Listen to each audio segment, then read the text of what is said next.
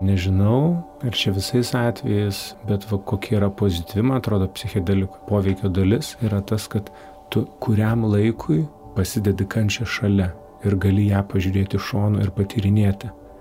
Ir tarkim, psichoterapijos santykėje tas irgi kartais pavyksta, bet tas gerokai sunkiau, nes žmogui sunku pažiūrėti savo kančiai, savo gyvenimą įprasmintą kančios iš šono. O tenais tu turi tokį prašviesėjimą momentinį. Jūs klausotės Nailą tinklalaidės. Aš esu Berta Tilmantaitė ir su manim kartu šiandien studijoje yra Martina Šulskutė. Labas, Martina. Labas, Berta. Šiandien mes kalbėsim apie psichodelikus ir psichoterapiją. Gali galbūt paaiškinti, kas yra tie psichodelikai ir kodėl apie juos šiandien kalbėsim? Psichedelikai praktiškai visose pasaulio kultūrose yra žinomi, vartojami e, tūkstančius metų. E, pats terminas iš graikų kalbos išvertus reiškia sielos apsireiškimas. Ir dažnai psichedelikai siejami su hipiais, pramoga, klubais, festivaliais.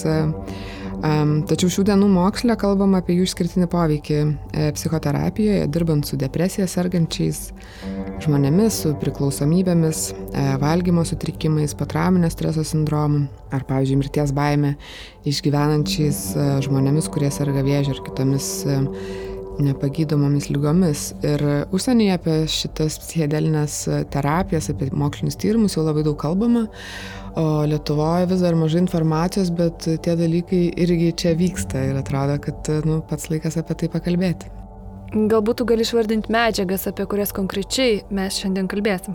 Taip, šiandien kalbėsim apie klasikinius psichedelikus, tai yra LSD, magiškuosius grybus, kurių veiklioji medžiaga psilocibinas, Ajuvaska, kurios veiklioji medžiaga yra DMT, kuris taip pat gali būti susintetintas ir rūkomas kristalo ar žalelių pavydalu, kvaitulinis pejotlis, kurio veiklioji medžiaga yra meskalinas, ir neklasikiniai psichedelikai, tai yra MDMA, kitaip dar žinomas kaip ekstazis ir ketaminas. O kokia buvo psichedelikų pradžia terapijoje? Kadangi e, psichedelikai visam pasauliu, visose kultūrose, kai kuriuose netgi labai stipriai išreikštai buvo ir, ir daug vartojami, tai tarsi ta istorija yra labai sena, kaip ir patys psichedelikai ir tos kultūros, bet į šio laikinę mediciną ir tuos medicininius vakarietiškus tyrimus e, psichedelikai atėjo 1945-aisiais Albertas Hoffmanas, kuris susintetino lasdą iš skalsės grybo, netyčia užsilašino savo ant odos ir patyrė tą pirmą LSD kelionę vadinamą kur, kaip Michaelas Polinas rašo savo knygą, kaip pakeisti protą, tai buvo pirma ir vienintelė kelionė pasaulį be lūkesčių jokių. Mm. tai va, nuo tada ir prasidėjo tie tyrimai, e, nes buvo manoma, kad galbūt psichedelikai kaip LSD gali padėti pažinti žmogaus protą, tarsi suprasti, kaip jaučiasi psichozės išgyvenantis žmogus ir kaip padėti su tuo tvarkytis. Po to tai buvo pradėta naudoti su žmonėmis priklausomais nuo alkoholio, kad tai padėtų atsikratyti priklausomybės. Bet paskui tyrimai uždaryti, medžiagos uždraustos ir dabar psichedelikai išgyvena tokį vadinamąjį renesansą. Tie moksliniai tyrimai atliekami įvairiose pasaulio šalise, pavyzdžiui, Johns Hopkins universitete JAV, Londono imperatoriškajame koledže, Yale universitete ir labai daug prie to mm, psichedelikų renesanso tyrimų ir, ir, ir įvedimo į tas praktikas mm, psichoterapinės prisidėjo multidisciplininė psichodelinių studijų asociacija MEPS. Ir gal dar įžangai norėčiau paminėti tokį čekų psichiatrą Stanislavo Grofo, kuris dirba su psichedelikais citatą, kad psichedelikai psichiatrijoje yra maždaug tas pats, kas mikroskopas biologijoje arba teleskopas astronomijoje. Ir aš manau, šitoje vietoje yra mums svarbu pažymėti, kad pokalbis mūsų yra skirtas būtent mokslo žinioms aptarti ir asmeniniams žmonių patirtims ir Vis dėlto medžiagos, apie kurias mes kalbame šiuo metu Lietuvoje, nėra legalius. Ir nepaisant to, kad kažkuriuose šalyse jos gali būti legalius, bet mes tikrai neskatinam šiuo pokalbiu pažeisti įstatymų ir nelegaliai tas medžiagas vartoti. Kalbant apie psichedelikus, labai įdomu yra tai, kad šita tema apjungia praktiškai viską, nuo kultūros, medicinos, antropologijos, religijos iki botanikos, chemijos, biologijos, teisės, meno, šamanizmo ir, ir taip toliau. Ir šiandien mes kalbėsim su kelių sričių specialistais ir žmonėmis, išbandžiusiais vieną ar kelis iš paminėtų psichodelikų. Taigi apie psichodelikų paveiktą smegenis ir kas juose vyksta pavartojus, papasakos. Mindaugas Potapovas, baigiau magistrą neurobiologijos Vilniaus universitete. Kokioj gal tai 12 klasiai, pirmam kursė, po truputį vis ryškėjo tokia tendencija, kad yra kažkokios tai medžiagos, kurios turi poveikį sąmoniai ir turėdamas poveikį sąmoniai yra labai kontroversiškos. Tai žinoma, man kaip žmogui, kuris mėgsta ir myli biologiją, atrodė, nu, tai reikia pažiūrėti, kas čia tokio yra. Savo patirtimi apie Juvaskos ceremonijas ir jų poveikį pasidalins Valentinas Haritonovas. Kultūrinis visuomeninis veikėjas. Kitas pašnekovas yra psichologas, pats išbandęs keletą psichedelikų. Paulius Mačiulevičius, šiame gyvenimo etape aš esu labiausiai psichologija besidomintis ir čia praktikuojantis žmogus. Apie psichedelikų tyrimų istoriją ir farmakologinę temos pusę papasakos Linas Tamošaitis, kuris yra nevyriausybinės organizacijos jauna banga savanoris. Akademinė prasme aš baigiau Vilniaus universitete biochemijos bakalauro ir magistrą, išvažiavau į Angliją daryti doktorantūrą e, biochemijos ir mano doktorantūros tema buvo susijusi su pramoninė biotehnologija. Ole Kofrikov papasakos apie psichedelinės ceremonijas, su kuriomis jis turi daug patirties ir kaip dalyvis, ir kaip vedlys. Visas tas susipažinimas su šamanizmu, su energijom, su skirtingais sąmonės žaidimais, pavadinsim, tai yra, nu, tokia gilesnės psichoterapijos dalis. O iš kitos pusės pats šamanizmas mane traukia kaip, kaip tokia nepažinta erdvė. Šamanizmas man yra tiesiog didesnis jautrumas, kuriuo aš mokausi, aš tyrinėju, kažką patiriu tam, kad tai išreikšti. Istorikai ir etnobotanikai sutarė, jog yra duomenų apie psichodelinių medžiagų vartojimą dar prieš istoriją, tūkstančius metų prieš mūsų erą. Ar yra informacijos apie jų naudojimą Lietuvoje? Lietuvoje yra nemažai žinomų augalų turinčių psichotropinį poveikį ir jų panaudojimas buvo nu, gana toks į, įprasta praktika tarp burtininkų, žolininkų, raganų, giduolių. Um, ir jie buvo naudoti kaip nu, maginių praktikų metu ritualuose. Ir aišku, tos ištakos e, sėtinos su senaisiais šamanistiniais kultais. Ir Lietuvoje yra žinomas kelios tokios durnažolėmis vadintas augalų rūšis. Tie augalai gali būti nuodingi, bet jie taip pat naudoti gydimui. O raganos ir raganiai, sakoma, skraidydavo, tarsi patirdavo tas e, pakeistas kažkokias sąmonės būsenas, matydavo vizijas, halucinacijas. E, jeigu vat, iš tų augalų padarytais tepalais išsitepdavo pažastis ar kitas ant kūno dalis. Tai va, Lietuvos miškose dar auga ir, ir magiškiai grybai galima jų rasti. Net raudonosios musmirės pasirodo buvo vartojamos sąmonės kitimo tikslais ir apie skalsį, iš kurios susintetinas LSD, skalsė yra toks parazitinis grybas augantis javose, tai Lietuvoje irgi žinoma nuo senų senovės. O Latino Amerikoje, pavyzdžiui, Meksikoje, nuo seniausių laikų egzistavo ir buvo vartojamieji ne tik magiškiai grybai, bet taip pat ir kvaitulinis pejotlis. O Amazonės džiunglėse, Peru, Ekvadore, ajuvaska Tai yra viralas iš džiunglių augalų. Pavyzdžiui, Peru ajuvaskos ceremonijos ir yra vadinamas gydimu, gėrimas vaistais, jų kalba medicina, o ceremonijų vedliai kuranderios, e, kas išvertus reikštų gyduoliai. Bet vadinti tai vaistais ir tikėtis, kad e, vat, išgersi ir paims tave ir išgydys, tai būtų neatsakinga. Um, tai geriausia atveju gali būti pagalbinė priemonė su kurios pagalba galbūt kažką gali suprasti, bet po to vis tiek turėsi dirbti. Ir tai nu, ir yra va, tų dabartinių jau pradedamų įvedinėti į praktikas, legalias praktikas, e, psichedelinių psichoterapijų tarsi pirmtakas toksai. Paskutiniais dešimtmečiais paintensyvėjus žmonių migracijai pasaulyje, šitą viralą atrado ir pamėgo taip pat ir vakariečiai. Pastaruoju metu šamanai irgi keliauja ir ajuvaską tokiu būdu pasiekia ir Lietuvą. Mhm. Taigi mes pradėsim nuo Valentino istorijos, kuris išbandė būtent ajuvaskos galės.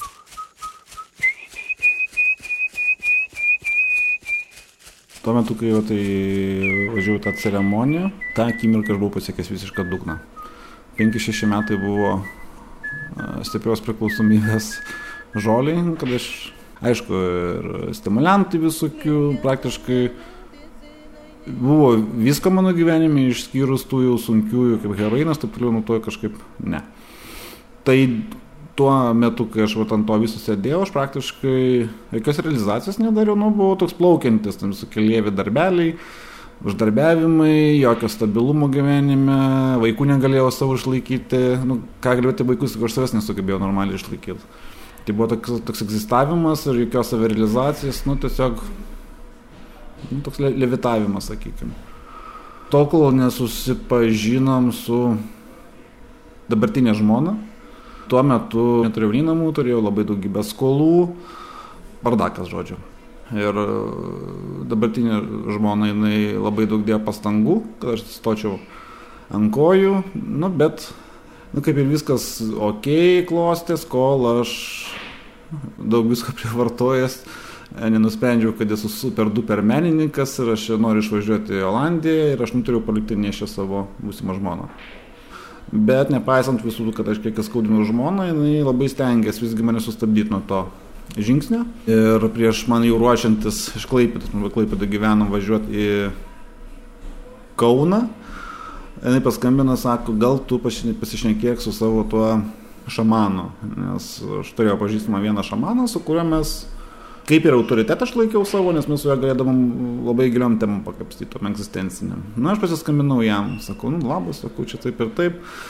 Sakau, čia vat menas, besaliginė meilė, Olandija ir jisai man iškart tieškai frazė sako, Valentinai, ten, kur tikra meilė, tikra meilė skausmo neatneša ir iš viso tas savanaudis, toks ir toks ir toks, jis man labai daug visko prisakė, aš užsiemiau už galvos nežinojau, nu, nu blem, tu gyveni vienam ir tau pasako, kad nu, čia iliuzijos, tu gyveni iliuzijoje. Mane tas pribloškė, sakau, gerai, ką aš galiu daryti. Sako, nu ką, sako, turi keistis, tvarkytis. Sakau, kaip. Nu, jis užsiminė, kad, nu, bet aš žinojau, kad uh, jie ten turi mm, su kapėgų. Sako, mes čia ruošiamės uh, gyvata, vadinasi, tas apėgus, sako, va, apėgams, visą kitą tipo. Kas ir kaip, įvardinu, kiek tai kainuoja. Nu ir ta pati žmona su motyvais jie surinko tą sumą pinigų, kur jau šiaip nėra maža. Okay. Bijau sumeluot, manau, bet 4 ar, ar 4,50 eurų. Viskas prasidėjo, kad ant griežtos dietos sėdau, bet labai griežtai, jokių šokoladų, jokių druskų, jokių cukrų, jokio sekso. Ir abstinencija, ir, ir, ir celibatas. Vadinamoji augalo dieta. Ir paskui, aišku, jau pasirūjau atvažiavimas į tą ceremoniją, kur dalyvavo iki 25 žmonių. Na, ten prasidėjo procesai.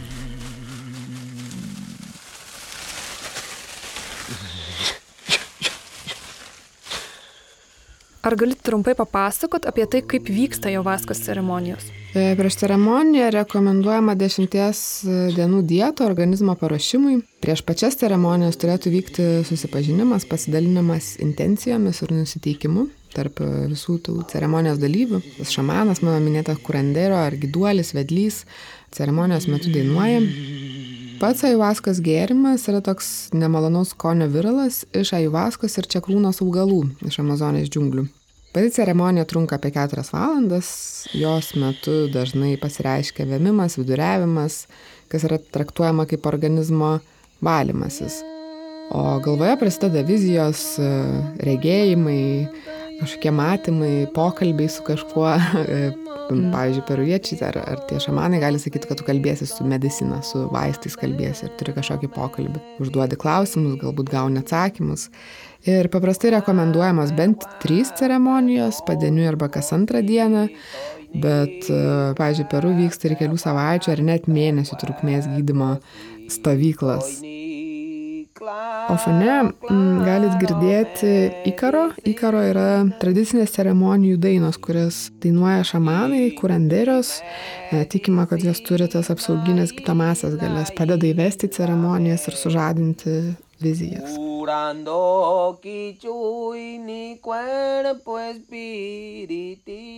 Vat ir buvo, nu, naktis tokia skaičiau pultinė.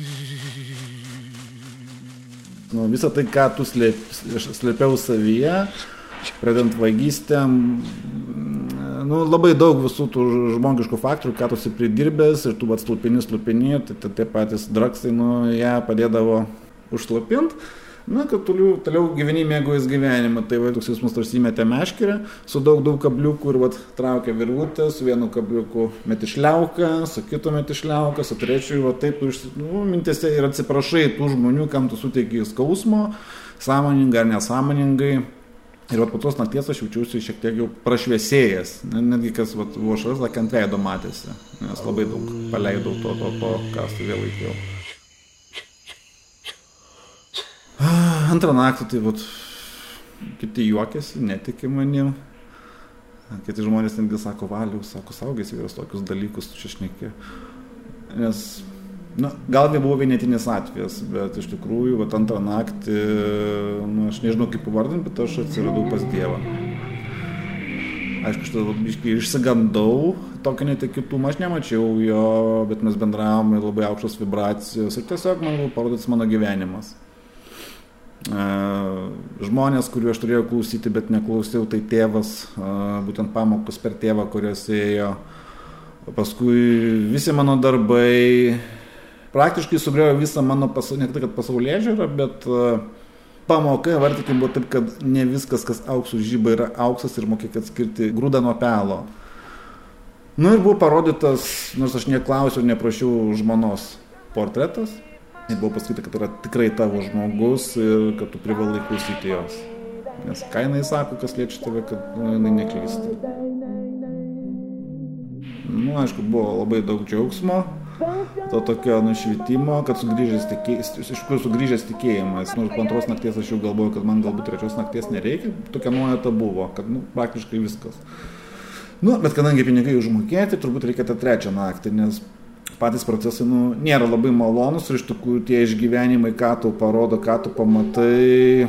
Taip, tos akimirkos buvo tikrai labai džiugios, bet ta pati informacija, kur daug jos gauni, negali sakyti, kad jinai labai malonė, nes kai tu matai savo veidrodį ir dar biški giliau tu parodo gyvenimo prasmės ir kas galiausiai pradedant nuo minčių švaros, nuo tavo elgesio, sąmoningai ar nesąmoningai, nu, buvo tos informacijos, kad, kad galbūt daug ko nežinai, ramiau miegi.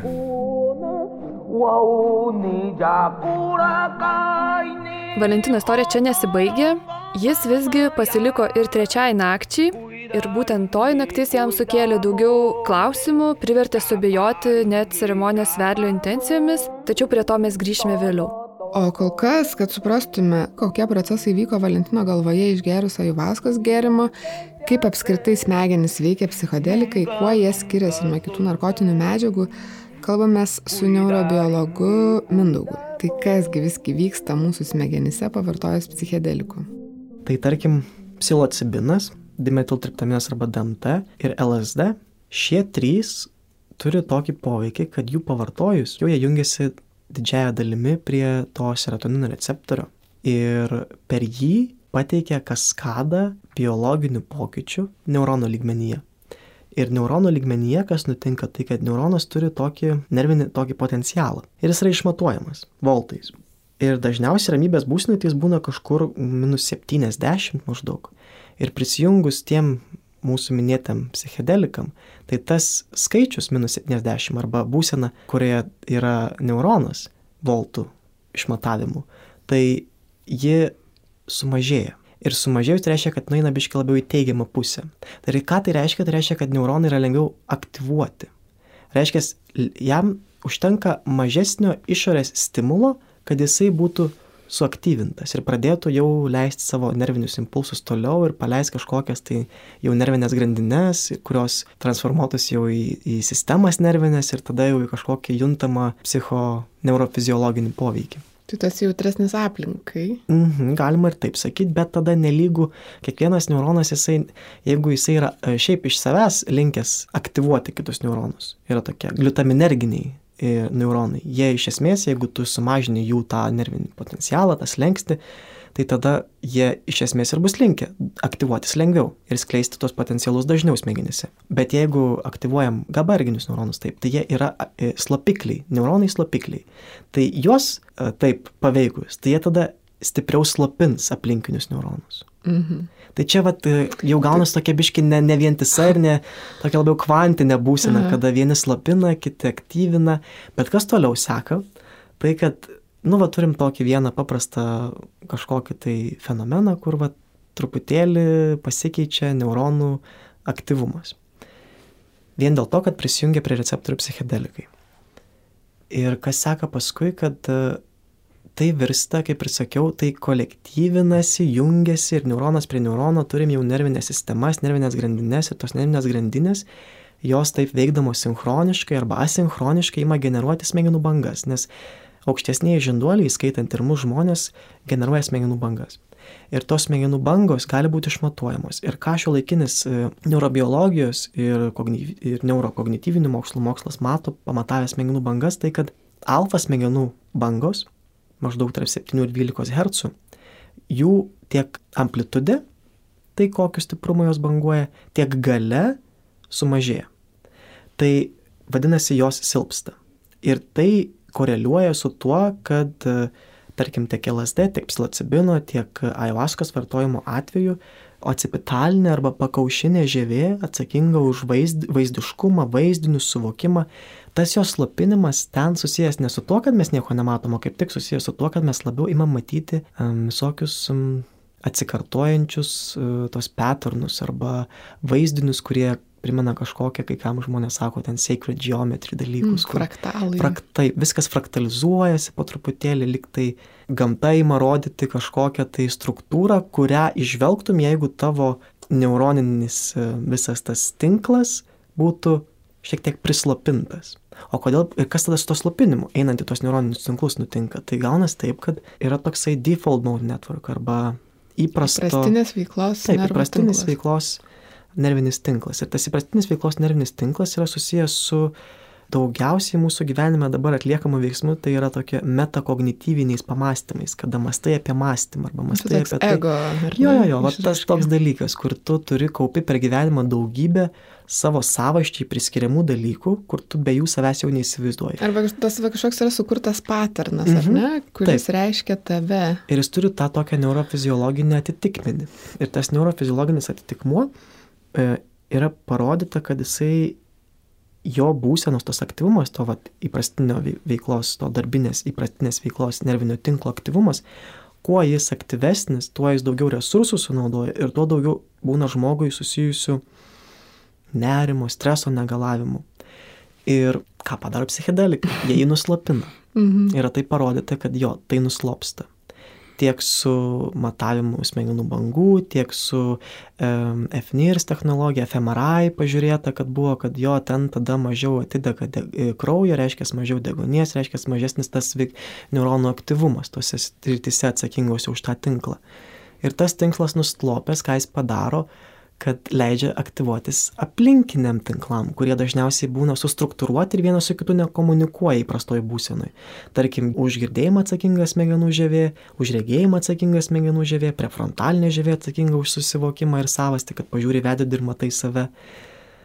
Ir tada jos ima komunikuoti vis labiau. Iš čia kyla ta sinestetinė būsena, kada žmogus ima užuosti garsą arba arba matyti spalvą kaip kažkokį tai galbūt jam aiškių raidžių arba simbolių prasme. Arba kaip garsą. Arba kaip garsą. Nu, bet visas viskas persipina ir tirpsta. Ir viena naujausių mm, šio laikinių teorijų kalba apie tai, kad ši, tai būtų galima pavadinti ir ta teorija vadinasi, kad tai yra entropinių smegenų teorija. Kad smegenis pavartojusios arba gavusios psichedelikų, jos tampa entropiškesnės. O entropija yra sistemos energijos įvertinimo būdas, tiksliau nusakantis jau tą sistemos energiją, kad jinai yra chaotiškesnė, kad jinai leidžia savo daugiau, yra takesnė, yra laisvesnė, yra netokia suformuota aiškiai ir dėl to gali, nu, tiesiog būti kaip minkomas molis labiau. Kokia yra pagrindinė smegenų va, paskirtis? Ką jos daro? Mhm. Kaip galvoji? Nu, atsakinga už nu, veiklą, normaliai funkcionavimą žmogaus. Taip taip, jos tikrai tai daro, bet tada tas funkcionavimas, tai ką tos smegenys ten tokio daro? Jos bando nuspėti, nuolatos. Mm. Tas funkcionavimas, kaip tu sakai, tai yra taip. bandymas nuspėti. Bandymas nuspėti, vad, kad čia yra podelis. Aha. Ir čia gal yra podelis, bet smegenys jau turi tam tikrų šaltinių, ten visokių tinklų, kurios jau leidžia jam laisviau, smegenų visai tą sistemai lengviau įspėti, nuspėti spalvą, podelį, uh, um, būseną, jausmą atkartoti. Ir pasirodo, kad yra dvi sistemos, kurios tai daro. Viena, kuri vadinasi top-down ir kita yra bottom-up. Tai viena ta top-down arba iš viršaus į apačią. Tai kad aukštesnės hierarchinės smegenų struktūros siunčia signalus žemesnėm ir tos žemesnės, tai yra dažniausiai sensorinė sistema, ką tu matai, ką tu girdi, ką tu jauti. Šita struktūra, be kovodama, taip sakyčiau, su ta aukštesnių hierarchinių nervinių šaltinių ir visokių nervinių struktūrų modelių, kaip turi atrodyti pasaulis. Viena su kita nuolat bando išlaikyti balansą. Aha, mes matom taip, O tos aukštesnės hierarchinės sako, ne, ne, ne, mums reikia, kad būtų taip, mm. nes taip pažįstam jau, taip gali būti. Mm. Ir tai jos viena su kita taip komunikuodamos sukuria mūsų matomą pasaulio halucinaciją. Mm. Ir psichedelikai šitą halucinaciją įsiterpia. Tai panašu, kad būtent tokiuose situacijose psichodelikai gali būti naudingi ir pasitarnauja psichoterapijoje. Taip, nuo pat pradžių LSD, MDMA ir kitos medžiagos pradėtos naudoti tyrimam rodo iš tikrųjų labai E, gerus rezultatus e, tokiose situacijose, kur niekas kitas padėti negalėjo. Jos sugeba atpalaiduoti jau įsirašusias ir esančias įvairias mūsų refleksų sistemas, įpročių sistemas, tokias kaip kad rūkimas, alkoholizmas, stiprių kažkokių labai žmogui kenkiančių narkotikų poveikio vartojimas tolimesnis. Ir tokiu būdu psichedelikai tas smegenis per sistemas, per atpalaidavimą, per tą neurofarmakologinę pusę, sugebėdami gražinti smegenis į tokią, sakyčiau, vaikišką būseną, nes smegenis tikrai pasidaro tokios imlesnės aplinkai ir, ir vaikiškesnės savo, ne tai kad gal jaunesnės lastelės, bet vis tiek, tiesiog, kad jos minkštesnės, minkštesnės kaip iš pusės tokios, kad kaip minkomos molis minkštesnės pasidaro. Ir derinant tai su asistuojama ta psichoterapija gretutinai arba su kitom kažkokiom terapijos rūšim, meno terapijom, pasivaikščiojimai gamtoje, pokalbiais su žmonėmis, kurie šalia tavęs yra tau artimi ir, ir kažkaip leidžia pažvelgti, net ne kažkaip, tiesiog leidžia pažvelgti į, į būsenas, kuriuose tu buvai, iš tokių kampų, kuriuose tu net negalvoji, kad gali. Nes jis ant tiek įnikėsi tai ir ant tiek daug sueikvoja energijos išlaikyti tam pačiam, kad nu, nebeišeina tau pažiūrėti, atsitraukti ir pažiūrėti. Tai tai yra labai bendra su meditacija. Tai, pavyzdžiui, psichedelikus aš vertinu kaip tokią katapultą labiau, žmonėm, kurie nori labai greito pokyčio ir poveikio, bet lygiai taip pat galima užsimti ir meditaciją, tą pačią mindfulness meditaciją arba samoningumu, samoningumo augdymu, kuris tiek neurofiziologiškai turi labai panašių tokių koreliatų, pažiūrėjus, ką daro, kaip smegenų bangos veikia, kokie ten centrai aktyvuojasi mhm. kaip e, išsivysto irgi neurogenezė, smegenų lastelės ir, ir tas neuroplastiškumas. Tai ilgesnis kelias per meditaciją, trumpesnis per psichedelikus, bet išeiga ta pati. Kuo psichedelikai skiriasi nuo kitų narkotinių psichotropinių medžiagų? Vienas pagrindinių iš tokių gal psichofarmakologinių skirtumų yra tai, kad psichedelikai, jie visi turi išreikštą poveikį E, vienam receptoriui, tai yra serotonino arba serotonerginės sistemos receptorius 5H2A.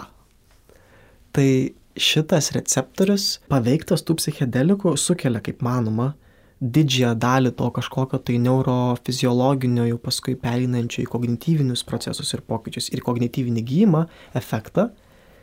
Tuo tarpu daugelis e, tų narkotinių medžiagų, tokių kaip kokainas arba heroinas arba kažkokios tai kitos panašios, tai jos e, sukelia priklausomybę tiesiogiai. Ir veikia dažniausiai, ir nu, nėra žinoma, gal ir veikia kažkiek tą serotonerginę sistemą, bet dažniausiai veikia mūsų mm, sistemas atsakingas už atlygį ir atsakingas už mokymasi. Tai atlygio mokymosi sistemos, tai yra dopaminerginės sistemos. Tau davė, buvo gerai, norisi pakartoti. Mhm. Nu, toks su varpeliu, kaip maždaug paskambino, mhm. tai kitą kartą išgirsi varpelį, jau seilės varvės norėsi. O psichodelikai to nedaro? Psichodelikai vienintelį dalyką, ką manoma, kad galėtų padaryti, tai yra žmonėms, kuriems šiaip šiame gyvenime norisi ištrūkti iš kažkokių tai va tokių ribotų situacijų, tai gali mm, užsinorėti ir padaryti, pakartoti tą būseną, bet dėl, ne, ne, dėl to, kad atsiranda psi, e, fiziologinė priklausomybė, o iš psichologinės priklausomybės. Mm, tarsi nori, nu, jo, tarsi nori vėl vat, patirti, kažkokios. patirti kažkokią tai prareginčią arba pramatančią būseną, kuri tau padėtų. Mm. Bet O fizinės, fizinės, Ne, fizinės priklausomybės. nėra, o su tais mm, neklasikiniais kaip MDMA ir ketaminų, Kadangi Junktinės Amerikos valstijos, kaip sakiau, 21, tai jau čia kitą metą panašu, kad priims vieną iš naujausių tų psichedelikais asistuojamų psichoterapijos sensų ir būdų gydimo potrauminiam streso sindromui. Tai vadinasi, kad pastaruoju metu kiek ir linkstamai tai, kad jis nesukelia stiprios fizinės priklausomybės, bet lygiai taip pat gali sukelti psichologinę priklausomybę. tai o ketaminas? O dėl ketamino priklausomybės, tai tikriausiai, kad jisai stiprios priklausomybės irgi neturėtų ir Mhm. nesukelia, bet su juo kaip tokiu jau pakankamai skirtingos klasės e, sintetiniu preparatu reikėtų elgtis atsargiau. Ir dėl to, nors ir su juo lengviausia dirbti, nes jis nesukelia pašalinių labai stiprių deliurinių pojūčių. Nors šiaip ketamino daug vartojant, stipriai arba didelę dozę pavartojus, tai prasideda uh, opioidus primenantis pojūčiai, kada tu atsiskiri nuo kūno, kada jauties lik nesavas, lik tai sapnuotum, toks Tas vat ne- keyhole. Mhm, taip, taip, būtent tai. Ir gaunasi taip, kad e, ketaminas yra rekomenduojamas vartoti mikrodozėmis. Kodėl jis buvo pasirinktas kaip potencialus antidepresijos e, vaistas būsimasis? Nes jo mikrodozės sugeba sukelti organizme ilgalaikį pagerėjimą depresiją turintiem pacientam. O ar psichedelikai tinka tik tokiam tiesioginiam lygų gydimui? Kalbant apie tas psichedelinės terapijas, yra diskusija, ar jos reikėtų skirti tik tais sunkiai sergantiems ligonėms, ar galbūt galima skirti ir mirštančių ligonių artimiesiems, kad tai padėtų susitaikyti jiems su ta būsima netektim. Yra kalbama, kad tai yra tiesiog per didelis ir per galingas įrankis, kad būtų apribotas tik žmonėm, kurie e, turi kažkokias va, sunkius psichinius sutrikimus. Yra teorijų, kad būtent psichedelikai galėtų būti kaip raktas arba kaip kraštutinė išeitis pateikiama pačios gamtos žmonijai susidoroti su struktūriniam didelėm kažkokiam problemom ir kad išspręstume jas arba pažvelgtume iš tokių pozicijų, iš tokių kampų, kurių dabar nematom. Ir kad tas sąmonės toks takesnis ir tas nuslapintas jau išmoktų ir sistemos įduotų, ego formuojančių metodų taikymas nepadeda arba toliau kuria tą pačią sistemą tik tai su pridėtiniais nuraminimo akcentais, kad e, galima pasitelkti ir psichedelikus kaip išeities ieškojimui. Bet čia aišku yra labai daug pavojų, nes buvo idėjų, kad reikėtų suspamaitinti LSD ir viskas bus gerai ir gražu, bet taip neveikia viskas ir yra gerokai sudėtingiau. O apie pavojus tu kalbėjai su psichologu Pauliu Mačiulevičiu.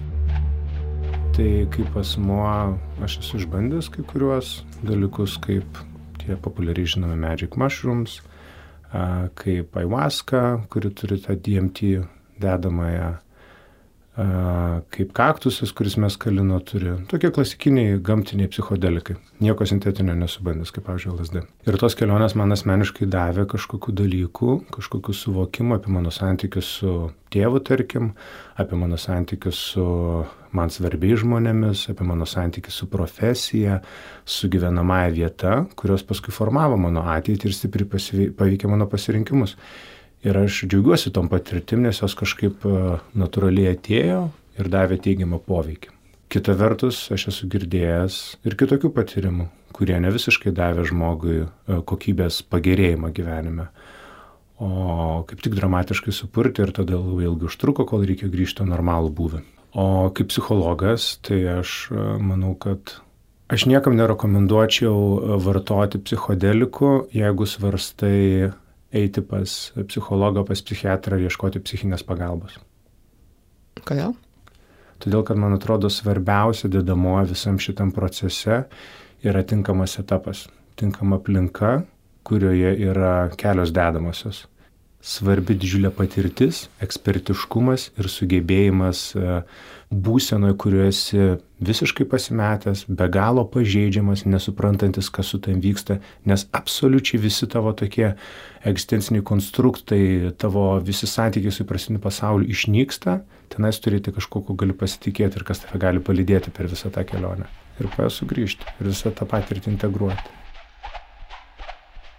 Vienas svarbiausių dalykų, kalbant apie psichedelinės kelionės ir ypač terapiją, yra toks angliškas terminas set and setting, tai yra aplinka ir nusiteikimas. Ir būtent apie tai užsiminė Paulius.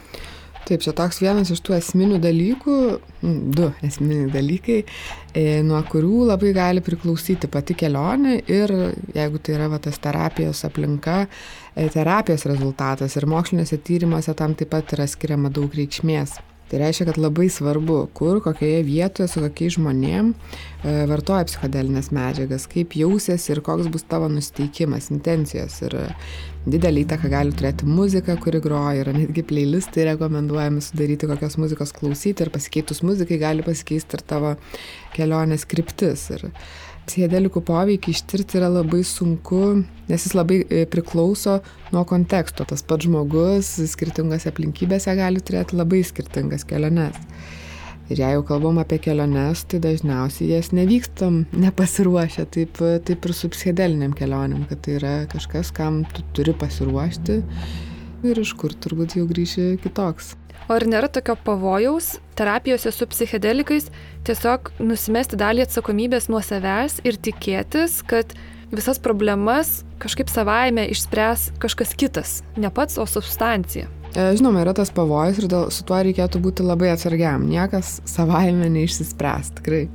E, turėsi su tuo dirbti, gali būti, kad nesuprasi iš viskas įvyko ir nieko su tuo nepadarysi. Dėl to terapija yra svarbi tuo, kad paskui visą tai, ką tu sužinojai, pamatai ir patyrei, galėtum apie tai kalbėti, diskutuoti ir atrasti, va dabar ką man su to daryti. Ir bet kokiu atveju tose ceremonijose ar terapijose tu patirsi kažkokias galbūt nepažintas tas sąmonės, sąmonės būsenas, kurias tarsi pasimatuosi. Ir paskui jau nieko nebevartodamas galėsi prisiminti jas ir, ir praėjus daug laiko po tų kelionių ir kažką iš jų pritaikyti kasdienai. Kai galvoju apie savo patirtis, man atrodo, kad e, toj mano terapijoje, tarkim konkrečiai kalbant apie santykius su tėčiu, tai buvo ryškiausias e, emocinis patyrimas, kur aš uh, užfiksavau tą momentą, kur yra pas mane užstrigimas tame santykė su tėčiu nes aš jau, nu, jaučiau nuoskaudą ilgą laiką ir aš jaučiausi piktas natūraliai ir tada emociškai atsiribau nuo tėčio. Ir tada pradėjau apie tai kažkaip mąstyti, bet man yra per skaudu apie tai kalbėti, aš terapiją pasikalbu, tenais tos emocijos sukyla. Ir nu, kai aš turėjau, tu, tarkim, pirmąją aivaskos patyrimą viduryje nakties, viskas vyksta tamsoje, aš pajaučiu, kad aš verkiu, man bėga skruostais ašaros, Ir tik tada taip iš mano sąmonė sugrįžta, aš paliečiu tas kruostus savo, pajaučiu tas aš, aš nesuprantu, kodėl aš taip verkiu.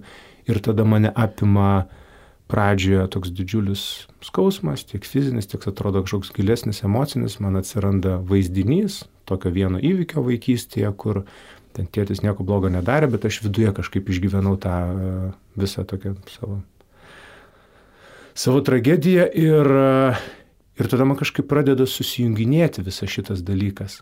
Ir e, ateina palengvėjimas, kad aš suprantu, kada viskas prasidėjo, kodėl prasidėjo. Ir tada pas mane ateina tikėjimas, kad tas dalykas gali keistis. Ir tame pačiame patyrime skausmo, pykčio, nuoskaudos atsiranda dėkingumas ir empatija ir kažkoks supratimas tėčio, kad jisai vaisiai elgėsi taip, kaip jis elgėsi ir jisai negalėjo kažko daryti kitaip. Ir mane tokia didžiulė meilė apima, didžiulė meilė tai kančiai, kuri mane kažko išmokė. Ir aš paskui šitą dalyką aš dabar pasakoju, nes aš esu tą dalyką prasukęs, daug galvoju ir tarę su savo terapeutė, bet tuo momentu man tai buvo ryškus patyrimas, kad va, apie tai aš turiu dirbti. Mhm. Ir man reikėjo laiko, kad aš integruočiau tai savo santykių. Kaip manai, ar galėjai iki to prieiti tiesiog terapijos manau, kad, būdu? Manau, kad galėjau. Bet ja. kiek tai būtų užtrukę, kaip manai? Aš spėčiau, kad tai būtų, žinai, metų klausimas jau. Tarkim, iki to pusmetį dirbau ir nesijaučiau dar labai arti kažko panašaus, kas tenais įvyko. Ir va, ką tu sakai, kad tai buvo tarsi kažkas, su kuo tu turėjai dirbti ir turbūt dar, nežinau. Vis dar dirbu. Tai vis dar dirbu. Turbūt būtų kitaip, jeigu nelankytum terapijos. Būtų tikriausiai sunkiau tą dalyką suvokti va visuose tuose trijuose lygmenyse, ar ne, tam žinių, kažkokiam proto lygmenį, emociniam lygmenį ir tokios platesnės savivokos, kas tai yra, kas tai vyko, ką tai reiškia. Man atrodo, mano atveju aš buvau toks dėkingas e, dėksim, eksperimentinis peliukas, nes aš neturėjau kažkokių tokių labai didelių nusistatymų prieš šitą dalyką, kažkokių gynybų ir šiaip visą gyvenimą saugiai gana jaučiausi ir jau su pasitikėjimu. Bet jeigu yra baimių, nepasitikėjimo, tai tie dalykai nu, neleidžia procesui vykti. Mhm. Dėl to, kaip tu tikriausiai ir pati žinai, va kartais būna tokie gilus transformaciniai tripai, o kartais tiesiog, nu ką, susirinkom, pagėrėm, pavėmėm, neftiem. Kadangi psichedelikai gan stipriai veikia nusistovėjusius suvokimo modelius, ar gali juos vartoti visi? Šiaip nerekomenduotina vartoti niekam, arba jeigu vartoti, tai tu turi būti pasiruošęs bet kam iš esmės, nes atsitikti gali bet kas ir tu turi būti pajėgus su tuo susitvarkyti. Bet visiškai, visiškai nerekomenduotina vartoti ar bandyti žmonėms, kurių šeimoje yra, arba kurie patys kenčia nuo psichozės nepatariama psichedelikų vartoti jauniems žmonėms, kurių smegenys vis dar vystosi. Ir kalbam, pavyzdžiui, su vyresniais žmonėmis ir skaitant, kurie pasakoja apie tas savo psichedelinės patirtis, kurias jie turėjo, kai jam buvo 40, 50 ar net 60, tai jie sako, kad ačiū Dievui, jog aš to nepatyriau, kai buvau mm. jaunas, nes tikrai nu, nežinočiau, ką su to daryti. Man atrodo, kad čia yra dvi tradicijos. Viena yra ta senovinė, šamaniška ir kita yra, bet mokslinė, ar čia bando padaryti ją, gal nežinau, kažkiek netgi medicininę. Mhm. Tai ir vienoje, ir kitoje yra tikriausiai viskas nuo to, kad įvertinama, ar tas žmogus, kuris nori tai daryti, jis iš esmės gali tai daryti. O ką reiškia galėti daryti? Ar jo psichika pasiruošusi ištverti tai, kas iš esmės vat, nuspėjama, kad gali būti. Per daugybę tikriausiai metų tie, tie ar šamanai, ir tie mokslininkai, va, kurie, tarkim, patys tikrai praktikavosi dešimtmečius ant mm. savęs ir ten eksperimentavo, jie sukopė kažkokį žinių bagažą, koks intensyvumas tai gali būti, nu, ir jie įvertina, ar tas žmogus gali tą dalyką daryti. Ar yra kažkokių psichikos sutrikimų istorija tavo giminiai, kaip tu išgyveni stresą, nerimą, kaip tu įsivaizduoji pasaulį, koks tavo santykis va su tuo, kas artė, kokie tavo lūkesčiai. Nu, begalė tokių dedamųjų. Vadinasi, ryždamasis tokia kelionė, tu jau turi būti pasiruošęs, kad nežinai, kas gali nutikti ir yra tikimybė turėti tą vadinamą bad tripą, blogą kelionę. Mm, yra tokia, man atrodo, klaidinga nuomonė žmonių, kad psichodelikai, kurie dar halucinogenais vadinami, pavartos ir bus, e, žinau, vaivorykštės, vienaragiai ir viskas gerai ir gražu ir, ir, ir tiek, kad tai yra gražaus pasaulio patyrimas, bet tai nėra apie kažkokį tik gėrį ir grožį ir lengvą nuotikį, tai nėra taip vienpusiška ir tai yra apie pilnumą, apie viską apskritai, kas yra įmanoma. Ir gali būti, kad tų kelionių metu nu, išgyvensi visišką siaubą, pragarą, kokio net esi gyvenime neįsivaizdavęs, prasidės paranoja, galbūt nukeliausi kažkokias seniau patirtas traumas, galbūt išgyvensi savo gimimą, e, mirtį ar dar ką nors. Neturi šansų to tripo metu pabėgti nuo tos būsenos kai manęs klausdavo, vat, kas tai yra ten tos kelionės, tai aš taip kažkaip atsakydavau, kad tai yra kalnų upė, kur tu neturi irklo. Ir tave neša kalnų upė ir tu nieko negali padaryti. Ir jeigu tave mes į krioklius, mes į krioklius, jeigu mes daužys per akmenis, daužys per akmenis. Tai va čia, jeigu tu išgyveni mirties baimę, tu negali sakyti, a, viskas tvarkoja, taigi aš gyvas, valgau vandenuką geriu, viskas bus gerai. Jeigu tu išgyveni kažkokią tokią vaikystės nuoskaudą, irgi negali susipakuoti šmutkių ir išeiti iš to dalyko savigraužą kažkokią, ne? Nu ir va tu ją, tu stipriai patiri. Tokiose būsenose yra svarbu būti saugioje aplinkoje, su žmonėm, kurie prireikus gali nuraminti. Ir ne tik, kad nuraminti ar padėti išbūti, bet dar, kad ir nepasinaudotų situaciją ir jos nepablogintų. Tai reiškia, kad turi labai pasitikėti žmonėmis, su kuriais esi, nes, nu, esu girdėjusi liūdnų istorijų apie seksualinį priekabiavimą, pasinaudojimą, mm, nelaimingi atsitikimai irgi atsitinka, e, nebūtinai dėl tų medžiagų pačių, bet dėl to, kad jų pavartoja žmogus būna kažkokioje nesaugioje aplinkoje ir nesupranta, kas su juo vyksta. Tai reikėtų būti tikrai labai, labai atsargiems. Man atrodo, tie patys vat, pionieriai, kovotojai, jie dabar jau atsargiau tą dalyką daro ir jie nu, nesimėto tokiais skambiais pareiškimais, kurie ten buvo praėjusio ten mhm. amžiaus penktam, šeštam dešimtmetyje kad čia yra vaistas, greitkelis ir Taip, vat, atnešim, žinai. O atsargesniu keliu einant ir dėliojant saugiklius tinkamose vietose, man atrodo, čia gali kažkoks geras proveržis būti.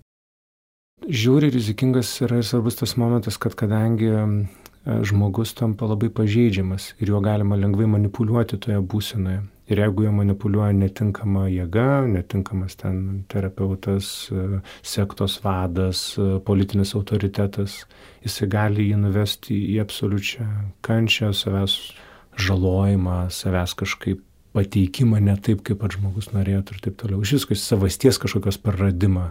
Tai kadangi mes kalbam ir eksperimentuojam su tokiu jautriu ir tokiu galingu, man atrodo, va, tokia galinga priemonė, nu tai jau negalim būti per daug atsargus. Žmonės svaiginasi nuo seniausių laikų ir bando patirti tas transcendentinės būsenas, praplėsti, pakeisti savo sąmonę.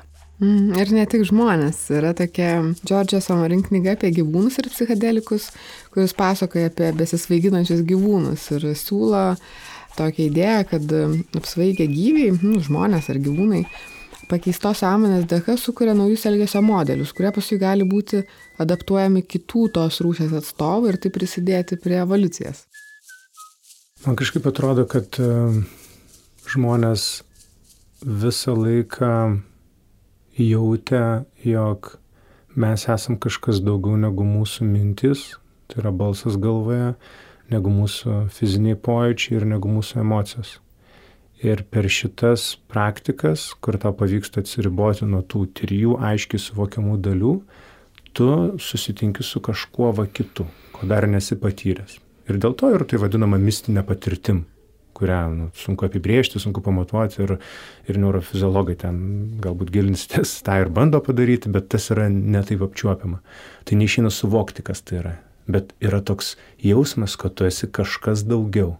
Ir tu esi santykėje su kažkokia siela, su dieviškumu, su absoliutu, su vienybė visų pasauliu. Ir man atrodo, mes kažkaip vis e, norim tą užčiuopti, nes tas mums kaip rūšiai gal suteikia daugiau prasmės egzistuoti.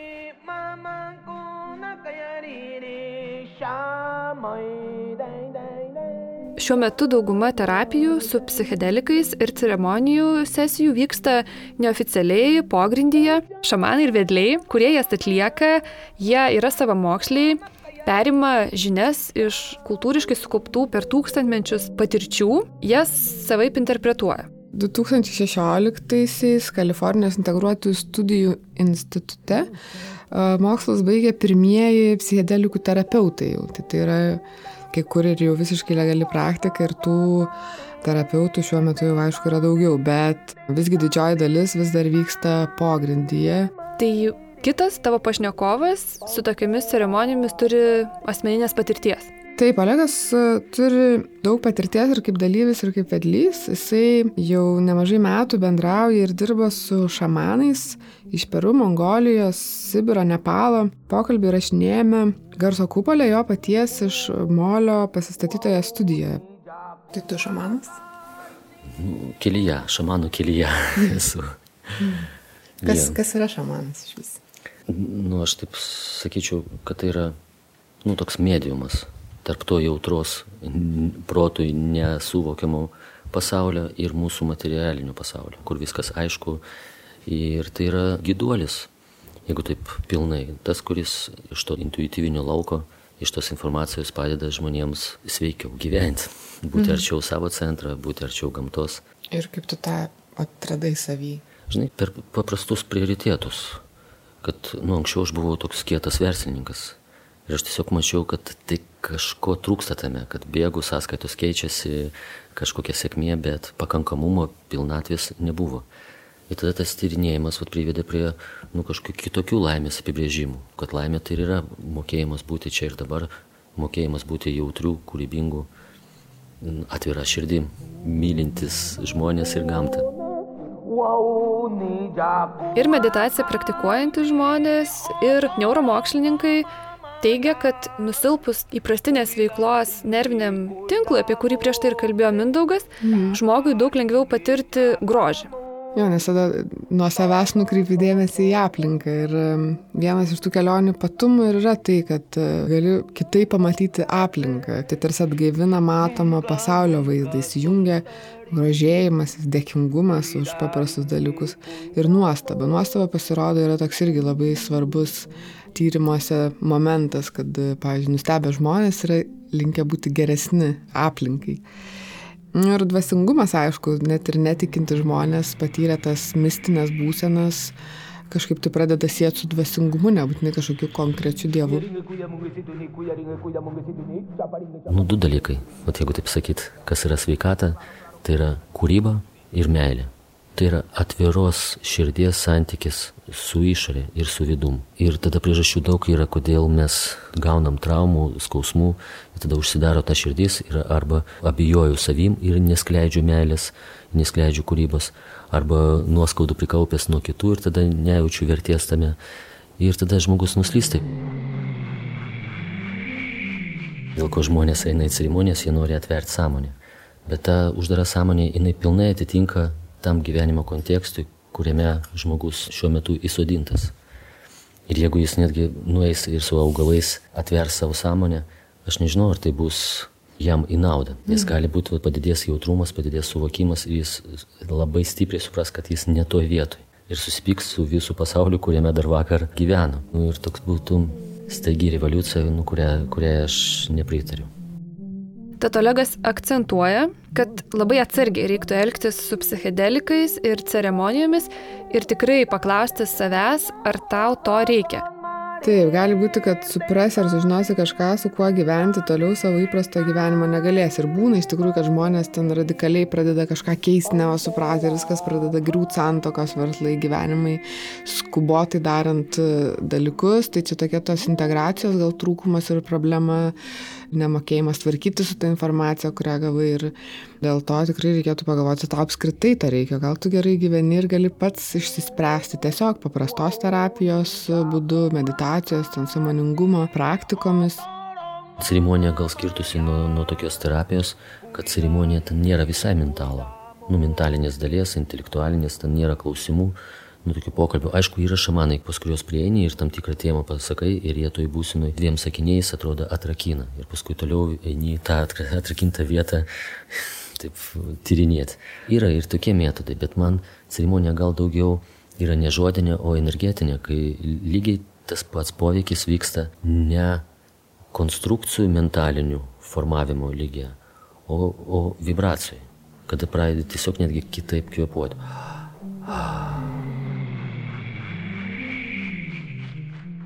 Aš sakyčiau, kad terapijoje labai svarbu vartoti tas medžiagas minimaliom dozėm.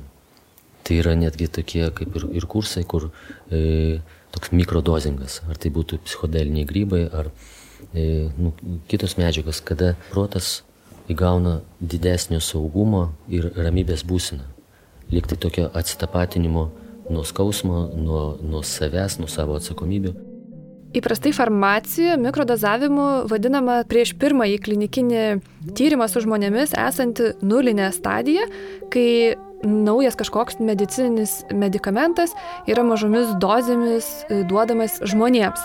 O kas mikrodozavimas yra psichedelikų kultūroje? Panašu, kad mikrodozavimas yra sena kaip ir patys psichedelikai praktika, kai naudojama labai maža porcijos dalis, kas kelias dienas ir tyrimai iš tos rytį vyksta, bet terapinė naudo mokslinio pagrindo kol kas neturi. Kuo tai gali būti naudinga ar pranašiau už didelių porcijų vartojimą tuo, kad gali išvengti nepagydaujamų efektų susijusių su to medžiagom, bet išlaikyti kitus teigiamus efektus - skatinti kūrybiškumą, kelti nuotaiką, malšinti nerimą. Bet pavojus yra tame, kad savarankiškai sunku pamatuoti dozes, jeigu tai vyksta ne laboratorijoje, o mokslinio tyrimų procesas šitoje srityje yra lėtas ir sudėtingas. Yra netgi apsas, kuriame žmonės patys mikrodozuodami tiesiog gali dalinti savo patirtim ir informaciją ir tada mokslininkai naudoja tą informaciją pabandyti susisteminti, kas vyksta mikrodozuojant. Ir tada daug jautriau, blaiviau, aiškiau dėliojasi numatymas ir savo tokio kaip paveldėjimo nuo tėvų ir savo uždaros širdies. Ir tai tiesiog per vieną tokią sesiją galima padaryti kiek per 30 paprastas sesijas.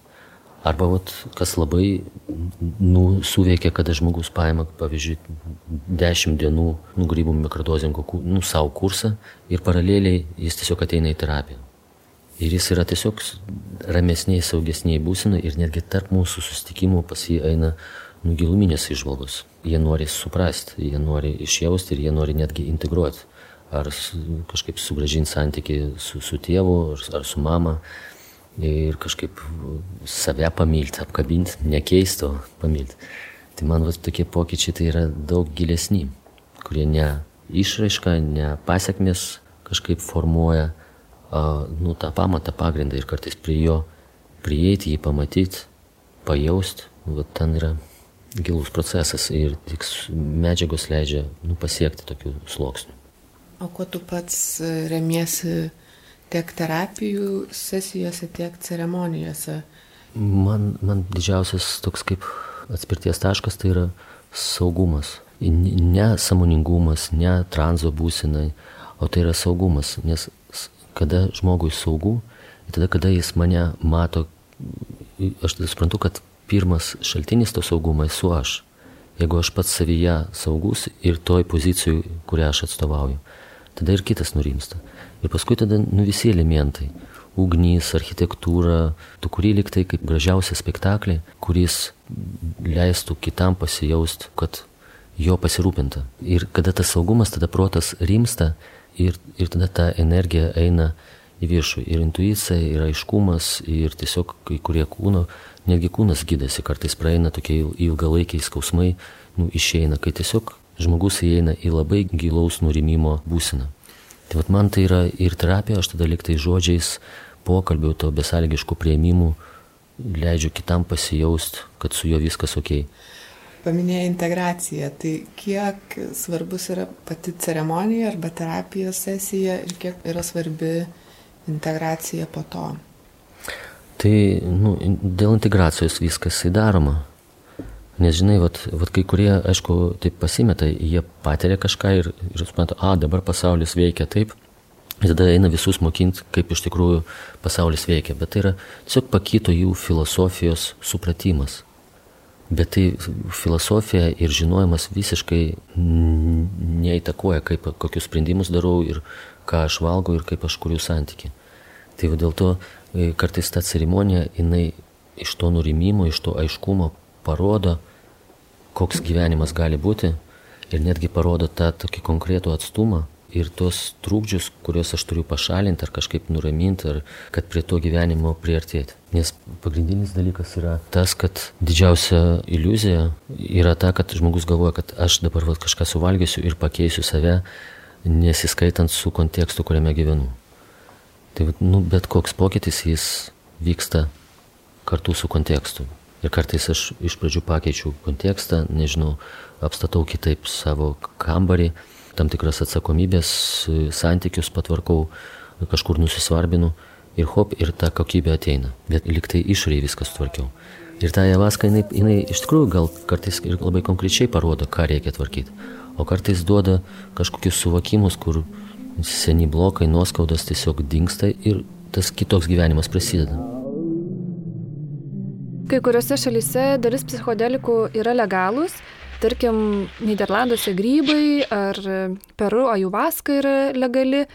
Ką legalizavimas keičia?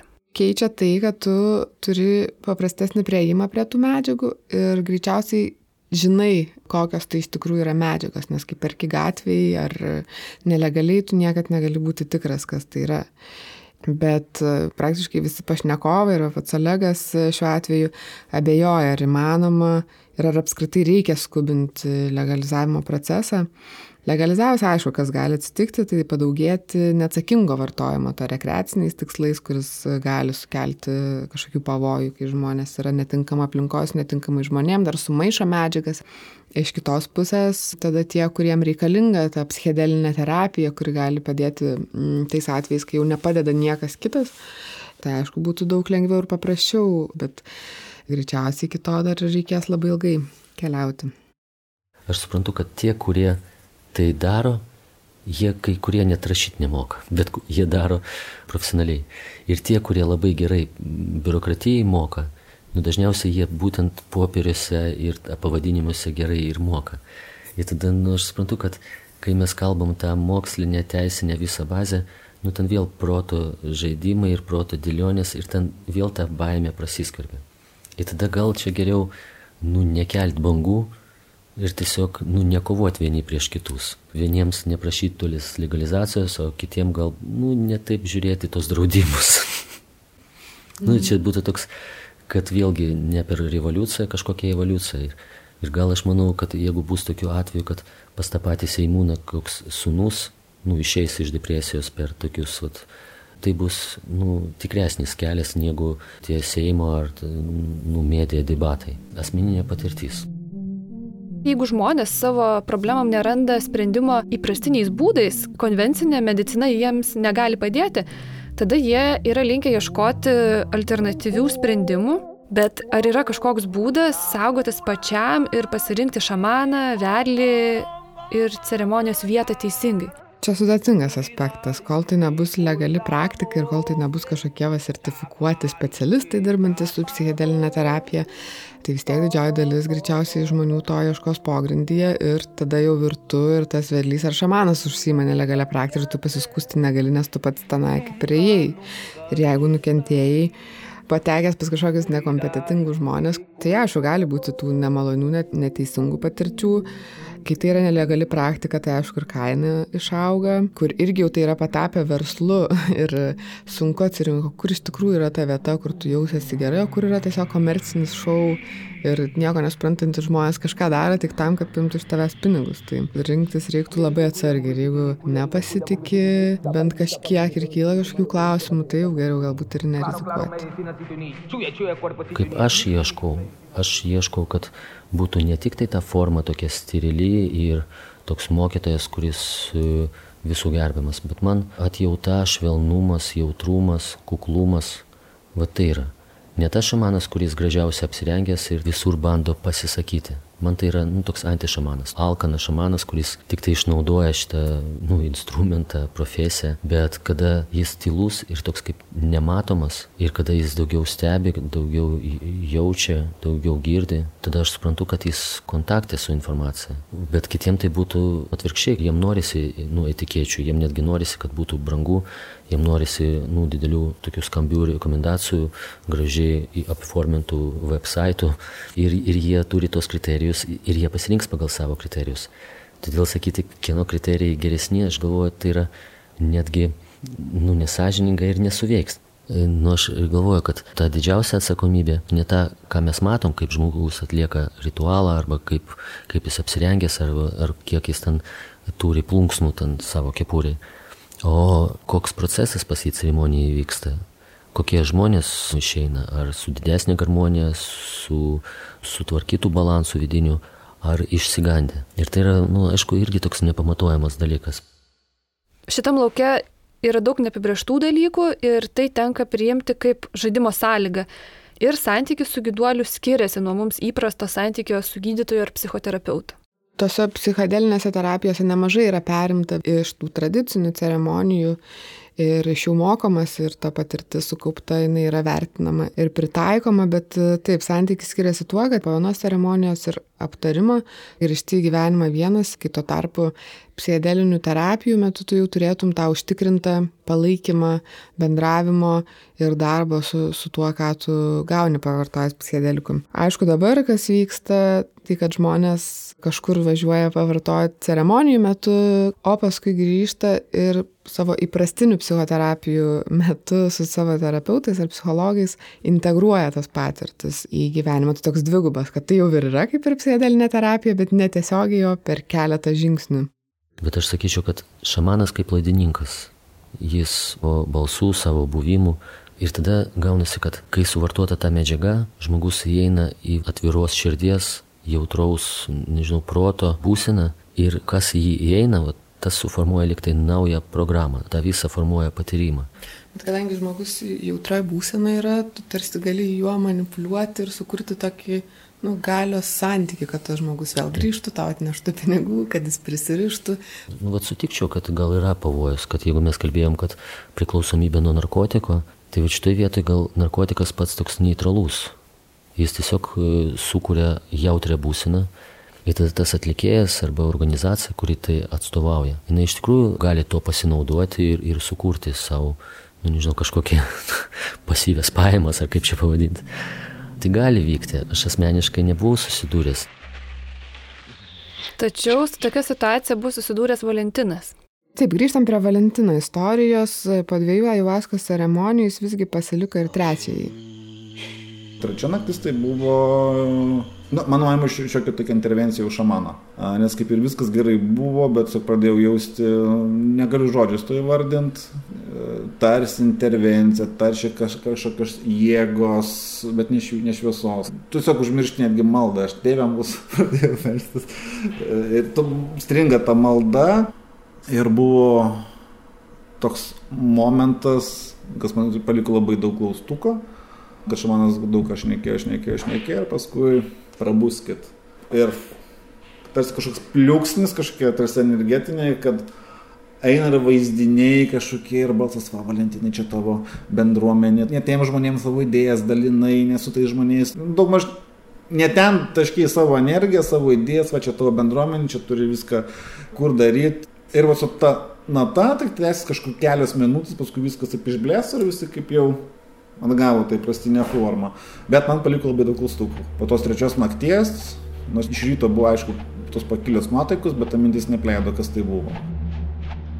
Po to, kai Valentinas subejojo, kokios iš tiesų yra šamano intencijos, jisai buvo ištrintas iš tos bendruomenės Facebook'o grupės, išstumtas iš pačios bendruomenės Ir šamano intencijoms abejojo ir daugiau toje ceremonijoje dalyvaujusių žmonių.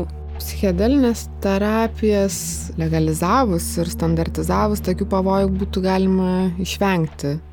Tačiau viskas nėra taip paprasta, nes nu, neaišku, ar įmanoma visų tūkstantmečių patirtį dažniausiai m, mm, praktikuotą tradicinių ritualų, ceremonijų metu kažkaip sustandartizuoti, sutraukti viską ir transformuoti tabletes ir modernius gydimo centrus. Ta tokia komercializacija irgi gali turėti trūkumų ir savitų pavojų. Na, o kalbant apie psichedelikų standartizaciją, atsiranda ir visa kita reikalo pusė, tai yra farmakologija. Taip, kalbant apie psichedelikus kaip psichiatrinį vaistą, Problema yra tame, kad jis nesukelia kažkokio specifinio farmakologinio efekto, o tik būsenas, mistinės patirtis, kurios gali sąlygoti pokyčių žmogaus elgsenoje, mąstymė, gyvenime. Čia į pagalbą mums ateina kolega Karolis Pilypas Liutkevičius, kuris apie psichedelikų tyrimų istoriją bei farmaciją kalbasi su Linu Tamošaičiu. Akademikoje, aišku, su psichodelikais aš neužsiemu, mano visas ryšys su šitą temą ėjo per mano savanoriavimą ir šiaip kaip hobis šitą temą nagrinėti, nes mano nuomonė yra daug unikalių istorinių situacijų, kurios iškilo apie šitą reiškinį, kurios turi sąryšių ne tik su biochemija, bet ir su psichologija, su psichoterapija, su antropologija, su etnobotanika. Ir kuo atrodo toliau gilinėsi šitą temą, tai jinai atneša tokį platų pasaulio pažinimą. Į šiuolaikinę vakarų kultūrą psichodelikai papuolė per tuos didžiuosius 60-ųjų metų kultūrinius pokyčius, Jie buvo plačiai naudojami tiek CŽV, tiek tuometinėme hipių judėjime buvo paplitę. Tos medžiagos jau tada buvo pradėtos naudoti psichoterapijai, daug dėmesio skirta alkoholizmo gydymui. Nutraukus oficialius tyrimus, viskas persikėlė į pogrindį. Kai kurie mokslininkai ir psichoterapeutai slapta tęsia savo darbus ir būtent jų dėka visa tai iki šiol lietai uh, vystėsi ir, ir dabar išgyvena tą vadinamąjį renesansą, bet pati visa istorija buvo gana sudėtinga ir paini. Kažkokiam žmogui, kuris pasitaiko iš gatvės, jeigu pasakočiau psichodelikų istoriją, tai reikia praeiti tokius amerikietiškus kalnelius.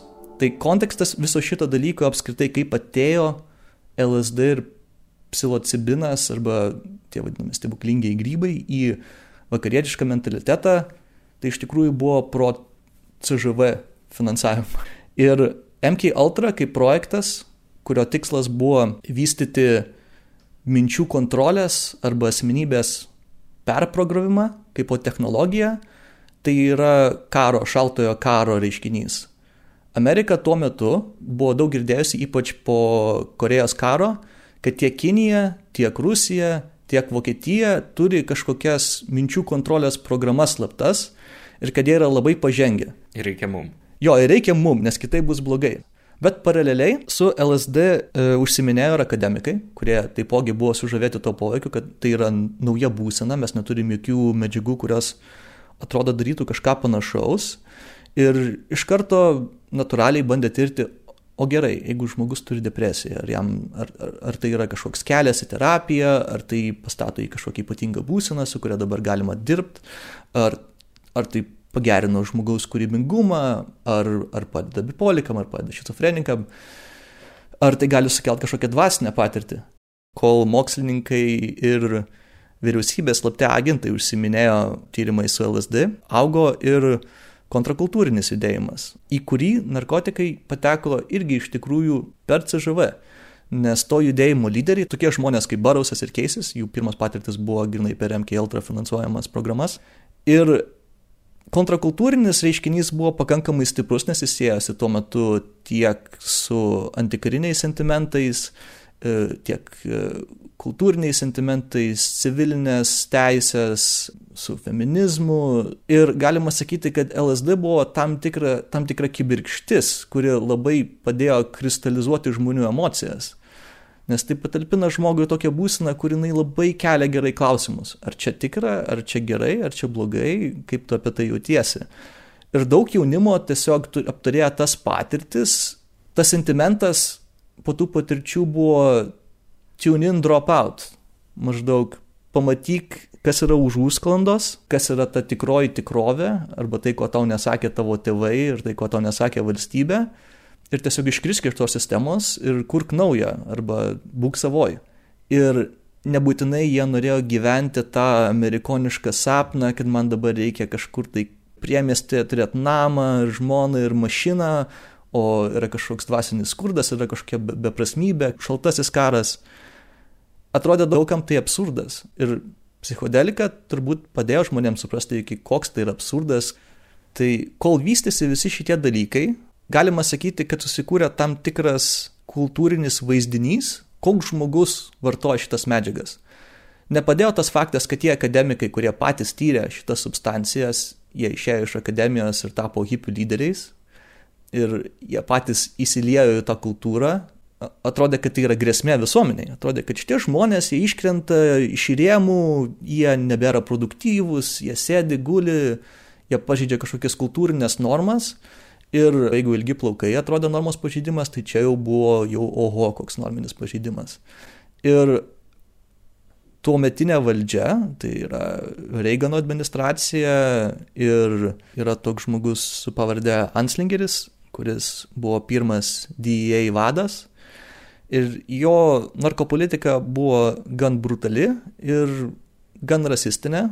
Jis labai asocijavo narkotikų vartojimą tame tarpe ir kanapės ir LSD su jododžiais, su džiazo muzika, su hipiais ir jam tai atrodė tam tikra kultūrinė degradacija. Ir Reiganui tiesiog atrodė, kad būtent kuriant politiškai tą sąsąją tarp šitų medžiagų ir kontrakultūros judėjimo ir e, jododžių ir e, Latino Amerikos asmenų, kad galima tiesiog ale, visus priešus staiga delegitimizuoti ir su jais susidorot. Tai 60-ųjų vidury pasirodė pirmas įstatymas, kad LSD yra klasifikuojama kaip nelegali medžiaga, jinai neturi jokių teigiamų savybių ir jinai gali daryti tik tai grėsmę ir tyrimai su LSD tais pačiais metais ir pasibaigė.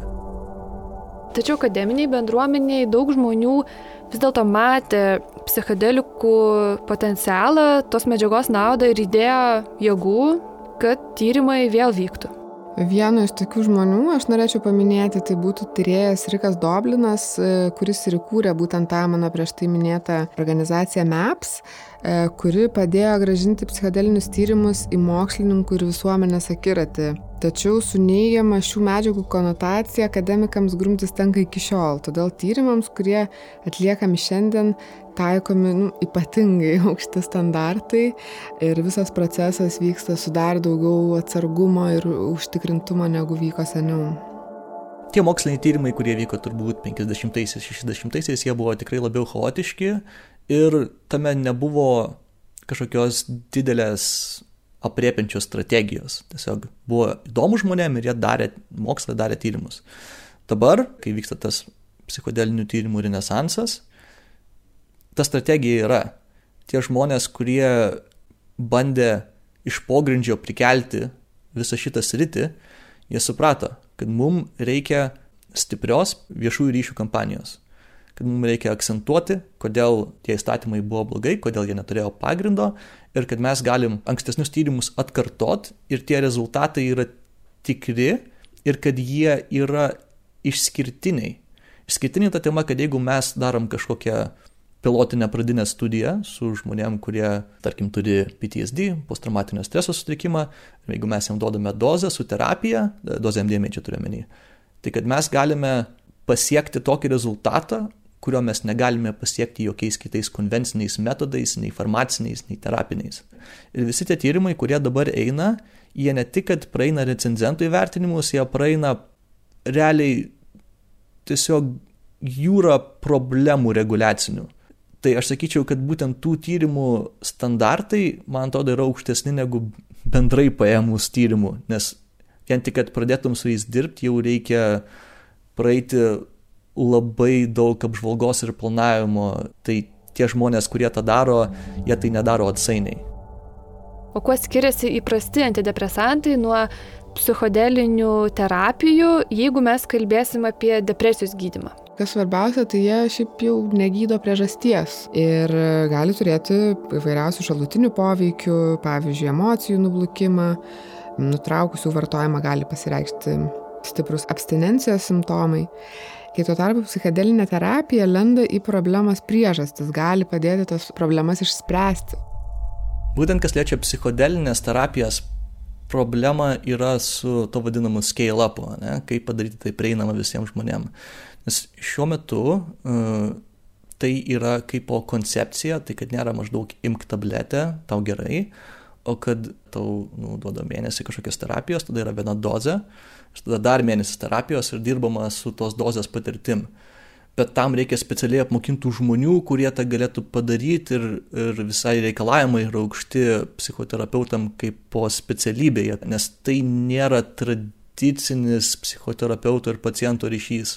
Istoriškai yra daug, daug problemų kyria apie tai, kad jeigu ateina žmogus, jis paima MDMA, jis tos būsenos nepažįsta, e, kartais gali kilti kažkokie seksualiniai norai arba kažkoks e, intimumo poreikis ir, ir gali pacientas pradėti to reikalauti iš daktaro ir daktaras nebūtinai žino, kaip su tą situaciją dorotis. Tiesiog tai yra, tai yra visiškai kitokia plotmė ir, ir, ir tai nebus niekada toks dalykas, kuris vat, atsiras ir tiesiog masiškai visi imkite MDMA ir būkite sveiki ir laimingi. Taip tikrai nebus. Ir, ir tai pakankamai ateis atsargiai ir iš lėto. Vis dėlto naujos medžiagos legalizavimas yra ilgas procesas ir šiuo metu kontroversiška laikoma medžiaga pavadinimu esketaminas. Ši medžiaga yra panaši į psichodelinį poveikį turinti anestetiką ketaminą. Ir nors esketamino tyrimai truko 3 metus, ši medžiaga priskirta proveržinėms, yra nuomonių, kad ji vis dėlto gali būti pavojingesnė už ketaminą. S-ketaminas yra ketamino vienas iš dviejų enantiomerų ir tai galima įsivaizduoti kaip e, turi dvi rankas, tiesiog tos rankos yra viens kitos veidrodinis atspindys. Kaip yra ta pačia, kaip ir struktūra, bet nėra ta pati molekulė. Ir pagal idėją e, enantiomerai ne visada e, taip pat ir veikia biologiškai kaip vaistai. Tai jau yra viena problema, nes su ketaminu yra padaryta pakankamai daug tyrimų ir jo saugumo profilis nu, pakankamai yra jau žinomas. Kadangi ketamino antidepresinis poveikis yra pakankamai įdomus palyginus su egzistuojančiais vaistais. Visų pirma, jis yra greitas, pacientas gali tai pajusti per 24 valandas, o tarpu tradiciniai antidepresantai kartais užtrunka nu, mėnesį, du mėnesius, kol jie pradeda veikti ir pacientas tikrai pradeda jaustis geriau ar apskritai kažką jaust. Tai jau dėl to atrodo tai yra svarbi medžiaga. Su S-ketaminu yra daryta žymiai mažiau tyrimų ir jo saugumo profilis yra įsivaizduojama, kad yra panašus kaip į ketamino, bet nėra iki galo žinoma. Ir iš tikrųjų vienintelis dalykas, kodėl žmonės dirba su S-ketaminu, būtent dėl to, kad jį galima patentuoti. O ketamino paties jau nelabai, nes jis su juo yra dirbama pakankamai daug laiko ir daug sunkiau įrodyti tą visą to naujumą to, tos medžiagos. Ir yra blogai, nes jeigu ant to yra uždedamas patentas, reiškia, iš kišenės žmogui arba valstybei, tai kainuos brangiau. Šiuo metu manoma, kad Anglijoje sketamino terapija, man atrodo, vienas kursas jos iki 10 tūkstančių svarų gali siekti. O ketaminas pats iš savęs jau yra pigus, jis yra generinis vaistas, jį gamina daug kas ir Mano nuomonė, aš žymiai norėčiau labiau matyti darbą su ketaminu negu S-ketaminu, dėl to, kad tai yra palankiau e, vartotojų interesui arba pacientų interesui šituo atveju. Problema su farmacija yra tame, kad kompanijos nenori dirbti su jau žinomais psichodelikais dėl intelektinės nuosavybės klausimo, nes pavyzdžiui, grybai yra gamtos produktas, o LSD patentas nebegalioja. Todėl kuriamas yra naujos medžiagos kaip esketaminas. Bet tiek senų, tiek naujų medžiagų tyrimai yra labai brangus ir gali neatsipirkti. Kaip knygoje Kaip pakeisti protą rašo Michael Pollan, farmacijai labiau apsimoka dirbti su vaistais chroniniams lygoms gydyti, o psichodelinė terapija gali gana greitai padėti žmogui ir jam tų terapijų daugiau nebereikės. Tai reiškia, kad nu, biznis nekoks ir galbūt neverta į jį investuoti. O ar yra skirtumas, ar tai natūralus grybas, ar tai farmacininkų sukurtos cheminės tabletės? Mokslinių požiūrių nėra labai skirtumo, ar dalykas yra natūralus, ar jis nėra natūralus. Jeigu jis veikia taip pat, jis veikia taip pat. Ir šituo atveju žmonės kartais, pavyzdžiui, gal galvotų, oi, grybas e, yra natūraliau negu tabletė, ne? Bet kai žmogus suvalgo grybą psichoaktyvų, tai tame grybe iš tikrųjų nėra vienos veikliosios medžiagos, ten yra pilna veikliųjų medžiagų, kurios visos turi kažkokį poveikį. Farmaciškai tai nėra gerai, nes darosi sunku atkartoti efektą, kurį, kurį gauna žmogus iš to augalo. Todėl visada klinikiniam tyrimam išgrinintas junginys bus labiau pageidautina forma vaisto negu grybas. Ir išgrinintas junginys, jis turi žymiai mažiau tokių šaltinių efektų, kaip po suvalgyti visą augalą. Klinikoje yra sukuriama labai specifinė aplinka pacientui, yra žinoma dozė, yra dirbama tik su griniausiam medžiagom, kurios atitinka aukščiausius vaistinius standartus. Dėl to iš tikrųjų žiūrima į šitas medžiagas, gal kiek paradoksaliai, kaip į labai toleruotinas ir į sauges. Reiškia, nėra jokių ilgalaikių šalutinių poveikių su MDMA mes žinome, kad nu, gatvėje būna, kad žmonės ir perdozuoja, ir kad žmonės su ta medžiaga elgesi pakankamai neatsakingai, kai užkyla jie temperatūra, eina dar daugiau šokt, jie negeria vandens, kai yra dehidratuoti, jie nemiega. Klinikoje pacientas žymiai geriau prižiūrimas, kitą dieną jaučiasi pakankamai gerai, bet tie tyrimai jie yra kelios dozės, jie dažniausiai nesiekia paciento labai ilgai, todėl nu, dar nežinome iki galo, e, kokie yra ilgalaikiai efektai. Vat jeigu dabar šitas žmogus terapija vat, 3 metus, ar, ar jam kita terapija baigsis, ar atsiras kažkokios tendencijos, kad gal simptomai vėl biški pašoks atgal, nes kaip ir e, bet kokios medžiagos, e, jomis galima piknaudžiauti ir būtina vykdyti kažkokią visuomenės švietą, net ir jeigu tai nėra legalizuota, kad žmonės šitom medžiagom nepiknaudžiautų. Ir, ir būtų smagu, jeigu ir Lietuvos vyriausybė pasikliautų pasaulio sveikatos organizacijos rekomendacijom apie žalos mažinimą, e, tiek ir visokių nevyriausybinio organizacijų tyrimais ir kitų šalių patirtim tą temą. Triba, triba, kuraka, šamurai,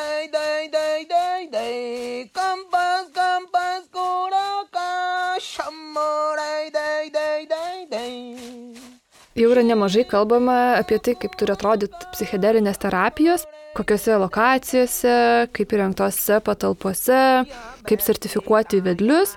Psichedelikų vartojimas galiausiai gali tapti mums įprasta praktika. Taip, bet turbūt turės keistis ir pačios visuomenės požiūris. Kita vertus, praplėsti sąmonę kitais būdais - meditacija, asmeninė ir grupinė psichoterapija, meno terapija, samoningumo praktikomis. Taigi, tai, kad tos psichedelinės terapijos jau yra, tai nereiškia, kad jos turi būti ar privalo būti taikomas visiems. Šiame epizode savo patirtimi su Aivaskos gėrimu pasidalino Valentinas Haritonovas. Nutarti metai eina. Tai va treti metai, kai aš visiškai nevartoju jokių narkotinių medžiagų. Tai va tai šiai dienai pasikeitus aplinka, nu ir tai, kad veriasi durelės, didesnis ar mažesnis, bet savirealizacija yra, veiklos yra ir nežinau, jeigu aš dar tais atlakys anksčiau, ten ieškodavau egzistencinių tų visų atsakymų, kas, kur, kaip, na aš iš prigimties buvau su dėliu polėkiu visus tos dalykus. Vadinkim, besaliginės meilės ir Dievo paieškas, tai šiai dienai aš labai myliu materiją. ne, ne tai, kad čia man per pinigai kažkas, bet vat, materija, žemė, ką galiu padaryti, ką galiu gyvendinti. Tai, kad vat, vertybė sugrįžo, šeima, kad prioritetai tai yra šeima, ką tu gali padaryti savo šeimai, ką tu gali padaryti savo kaimui, savo rajonui. Tiesiog dėmesys. Nu, šiaip aš asmeniškai niekam nerekomenduočiau įdėję vaską, nes yra labai daug niansų, kurių mes šiaip ir nežinom, kas vyksta tam energetiniam lygmenyje. Bet aš suprantu, kad gyvenime būna situacijų, kad tikrai žmonėm kartais tai gali būti stiprus spiris iš šikno. Šiuo atveju man tas tikrai spiris iš šikno buvo didelis ir aš esu dėkingas tiem žmonėm, kaip ten besusiklosti, mūsų vat, bendravimas nutrūko. Bet sakau, šiandien aš pats padėjau kryžių ant viso to, aš nei knygelių nebeperku, nebeskaitau tom temom, nebesidomiu mm, ir stengiuosi kitiem nieko nepasakoti ir tiesiog nepiršti, negituoti žmonių. Tiesiog žinom, kad kiekvienas turi savo kelią ir jeigu žmogui lemta tai pereiti, jis turi, tai, tai būtinai pereis. Tu gali gituoti, negituoti, bet. Taip pat girdėjote Oleg Kofrikov. Nesvarbu, ar mes vartojam tas medžiagas ar nevartojam, jeigu mes norim pasiekti tos geresnės kokybės, tai raminti protą ir stiprinti energiją. Renkant maistą, renkant, nežinau, savo aplinką, darbus, deadline'us, Ir jeigu žmogus, pavyzdžiui, va šitoje vietoje padaro pats daugiau, tai ir tas laiptelis bus, nu, aukščiau. Bet jeigu jis iki ceremonijos ten prisivalgo raudonos vieso, mėsos, ten išgeria alaus su draugais, su duona ir česnakais, pažiūri futbolą ir mažai pamiega ir ateina į ceremoniją, tai jam visai gali nieko nevykti. Arba įvyks toks, nu, siaubas, nes tiesiog silpna energija ir jis jos likučius bando dar kažkur e, įtraukti į žaidimą. Tai aš sakyčiau tiesiog Bet kokiu atveju rūpintis energiją ir proto ramybę reikia. O ar reikia greitinti tą procesą substancijom, ar ne, nu čia kitas klausimas. Vat negaliu tai pasakyti vienareikšmiškai. Apie psichedelikų poveikį smegenims pasakojo Mindaugas Patapovas. Ir šio laikinė neurobiologija, kuri daro tyrimus su žmonėmis, ir duoda jiem tų psichedelikų ir matuoja jų būsenas, jie turi aiškius klausimynus, standartizuotus jų pakankamai. Ir tuose standartizuotose klausimynuose būna, kiek ten ar skaliai, ar kažkokio jauseno įvertintumėte savo transcendentinį pojūtį. Mhm. Kaip jūs nus, vat, nuspręstumėt, kiek jums tai yra transcendentalu tai, ką patyrėt. Tai vadinasi, kad mokslas neišmeta šitos tokios vat, patiriamos būsenos kaip nereikšmingos, empiriškai neįrodomos, kažko neišskaičiuojamo suprasdamas, kad tai yra kažkas už išmatavimo ribų, vis tiek bando kiek įmanoma labiau pamatuoti. Mat, o kiek, kiek tu maždaug tai galėtum įvardyti, kad ar, ar tu bent jau taip jautėsi. Ir gali jau vesti statistiką, kiek daug iš tų patirtų patirčių žmonių, vat, kurie atėjo, ar jiems visiems buvo tai sukelta būsena, tas kažkoks psichedelinis potyris ir, ir vizijų matymas arba kažkokia tai pranašystė, ar kad ir kokias ten žmogų aplankančios mintys. Psichedelikų sąsają su psichologija aptarė Paulius Mačiulevičius. Mistinės patirtis, o tai ir vyksta šitose kelionėse, mes turėtume vertinti ne pagal tai, kas ten yra tiesa, netiesa, pamatuojama, nepamatuojama, o pagal tai, kokią tai vertę arba žalą padaro va tam žmogui. Ir labai dažnai, kai kažkas pasidalina savo patirtim ir sako, ten buvo taip, atsiranda tokia kritika, nu taip negalėjo būti, čia žinai nesąmonė. Ir tada koks nors ten mokslinis paaiškinimas, kurios tos smegenų dalis buvo simuliuotos mm. ir kodėl tas vaizdas atsirado, ar ne. Ir tikriausiai tie, tie skeptikai, kritikai yra teisūs, nes jie geriau žino, bet jeigu tas žmogus iš patirties išsineša savo kažkokią vertę, kurią gali į gyvenimą perkelti ir tas jam pagerina kokybę, pagerina santykius, jo buvimą kasdieninį. Tai vad nežinau, ar tą mes galim kažkaip suvaržyti statistikom, įstatymais ir mm, tokiam griežtom pozicijom. Kita vertus, kadangi tas egzistavo mūsų žmonių rūšyje tūkstančius metų, tai atrodo, kad tas turi kažkokią prasme ir gydomąją vertę ir mes to tikrai ignoruoti, užmiršti negalime. Tiesiog, kadangi jau gyvenam mokslo amžiuje, tai turim atsargiai elgtis. Apie psichedelikus farmacijoje kalbėjo Linas Tamošaitis. Psichodelinė terapija, nu jinai truputį išeina iš mūsų tradicinio kažkokio vaisto supratimo.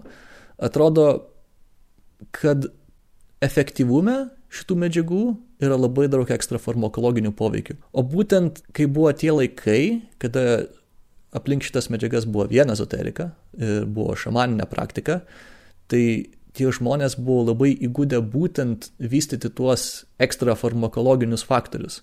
Tai ta visa ezoterika turėjo tam tikras pasiekmes, kad jinai atvedė tyrėjus iki to kelio, kad jie e, vis tiek kalbėjo su tais šamanais ir, ir kalbėjo su tais praktikantais e, tiek e, religiniam kontekste, tiek pogrindžio. Ir yra tas ryšys pastebėtas, kad tai nėra vien medžiaga, o tai yra procesas. Ir depresija ir kitos protinės lygos, jos nėra lengvai išsprendžiamos tablete.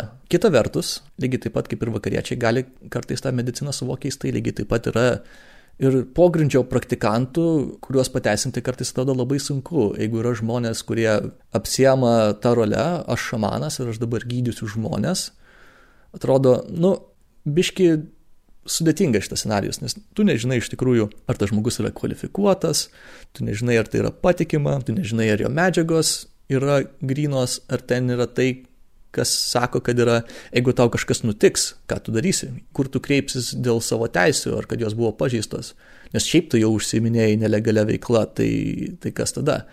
Ir tie naratyvai iš tikrųjų žaloja, kaip ir buvo 60-aisiais, kai hipiai sakė, jeigu dabar visiems duosim e, rūkšties arba LSD, tai visi pradės mylėti ir, ir globot, kas nu, skamba pakankamai naiviai ir nedekvačiai ir tai nesukelia pasitikėjimo. Tai šio laikinė medicina, aš manau, su tuo uh, naratyvu kovoja geriau, bet jinai nenori jo atstumti. Nes žiūrint istoriškai ir žiūrint kultūriškai, psichodelika kaip fenomenas, jis turi tą ryšį su ezoterika, jis turi istoriškai tą ryšį. Yra kultūrų, kurios toliau tą praktikuoja ir tai yra nu, jų identiteto dalis. Ir manau, kad moderniam pasaulyje yra pakankamai niuanso, kad tie abu naratyvai, jie taipogi gali ir sugyventi, ir vienas iš kito pasimokyti. Toks mūsų epizodas šį kartą. Kviečiame juo pasidalinti su kitais, o jei kilo minčių ar turite istorijų, parašykite mums. Epizodo fotografijas, pašnekovo portretus ir iliustraciją kviečiame pamatyti Nanuk Instagram paskyroje ir Naila LT. Ten taip pat rasite interviu su jaunos bangos savanare Rūta Marcinkievičia apie prevenciją ir žalos mažinimą. Jei norėsite daugiau informacijos šią temą, peržvelkite literatūros ir filmų sąrašą. Šio epizodo garso režisierė Kata Bitoft. Epizodo fotografai Artūras Morozovas ir Berta Tilmantaitė. Muziką šiam epizodui specialiai kūrė Martinas Gailius iš Soda Sounds, taip pat girdėjote peru įrašytas tradicinės ceremonijų dainas. Iliustraciją piešė Ula Rugevičiūtė. Už pagalbą dirbant prie šio epizodo dėkojame Karoliui Pilypui Liutkevičiui, Karoliui Višniauskui, Artūrui Morozovui ir Beatričiai Bankauskaitai. Mūsų 100 dolerių patronai Blossom Wood Foundation. Ačiū jiems ir visiems kitiems prisidėjusiems per Patreon platformą. Jos adresas patreon.com pasvirasis brūkšnys Nanuk multimedia. Už garso įrašų studiją dėkojame nacionaliniai Martino Mažvido bibliotekai. Epizodą vedėme mes, Martino Šauskutė ir Berta Tilmantaitė. Ačiū, kad klausėt, iki kito karto. Iki. Shamai, dai, dai, dai, shamai, dai, dai. ちゃままままままやままんこなかやりりしゃもいでいでいでしゃもいでいでいで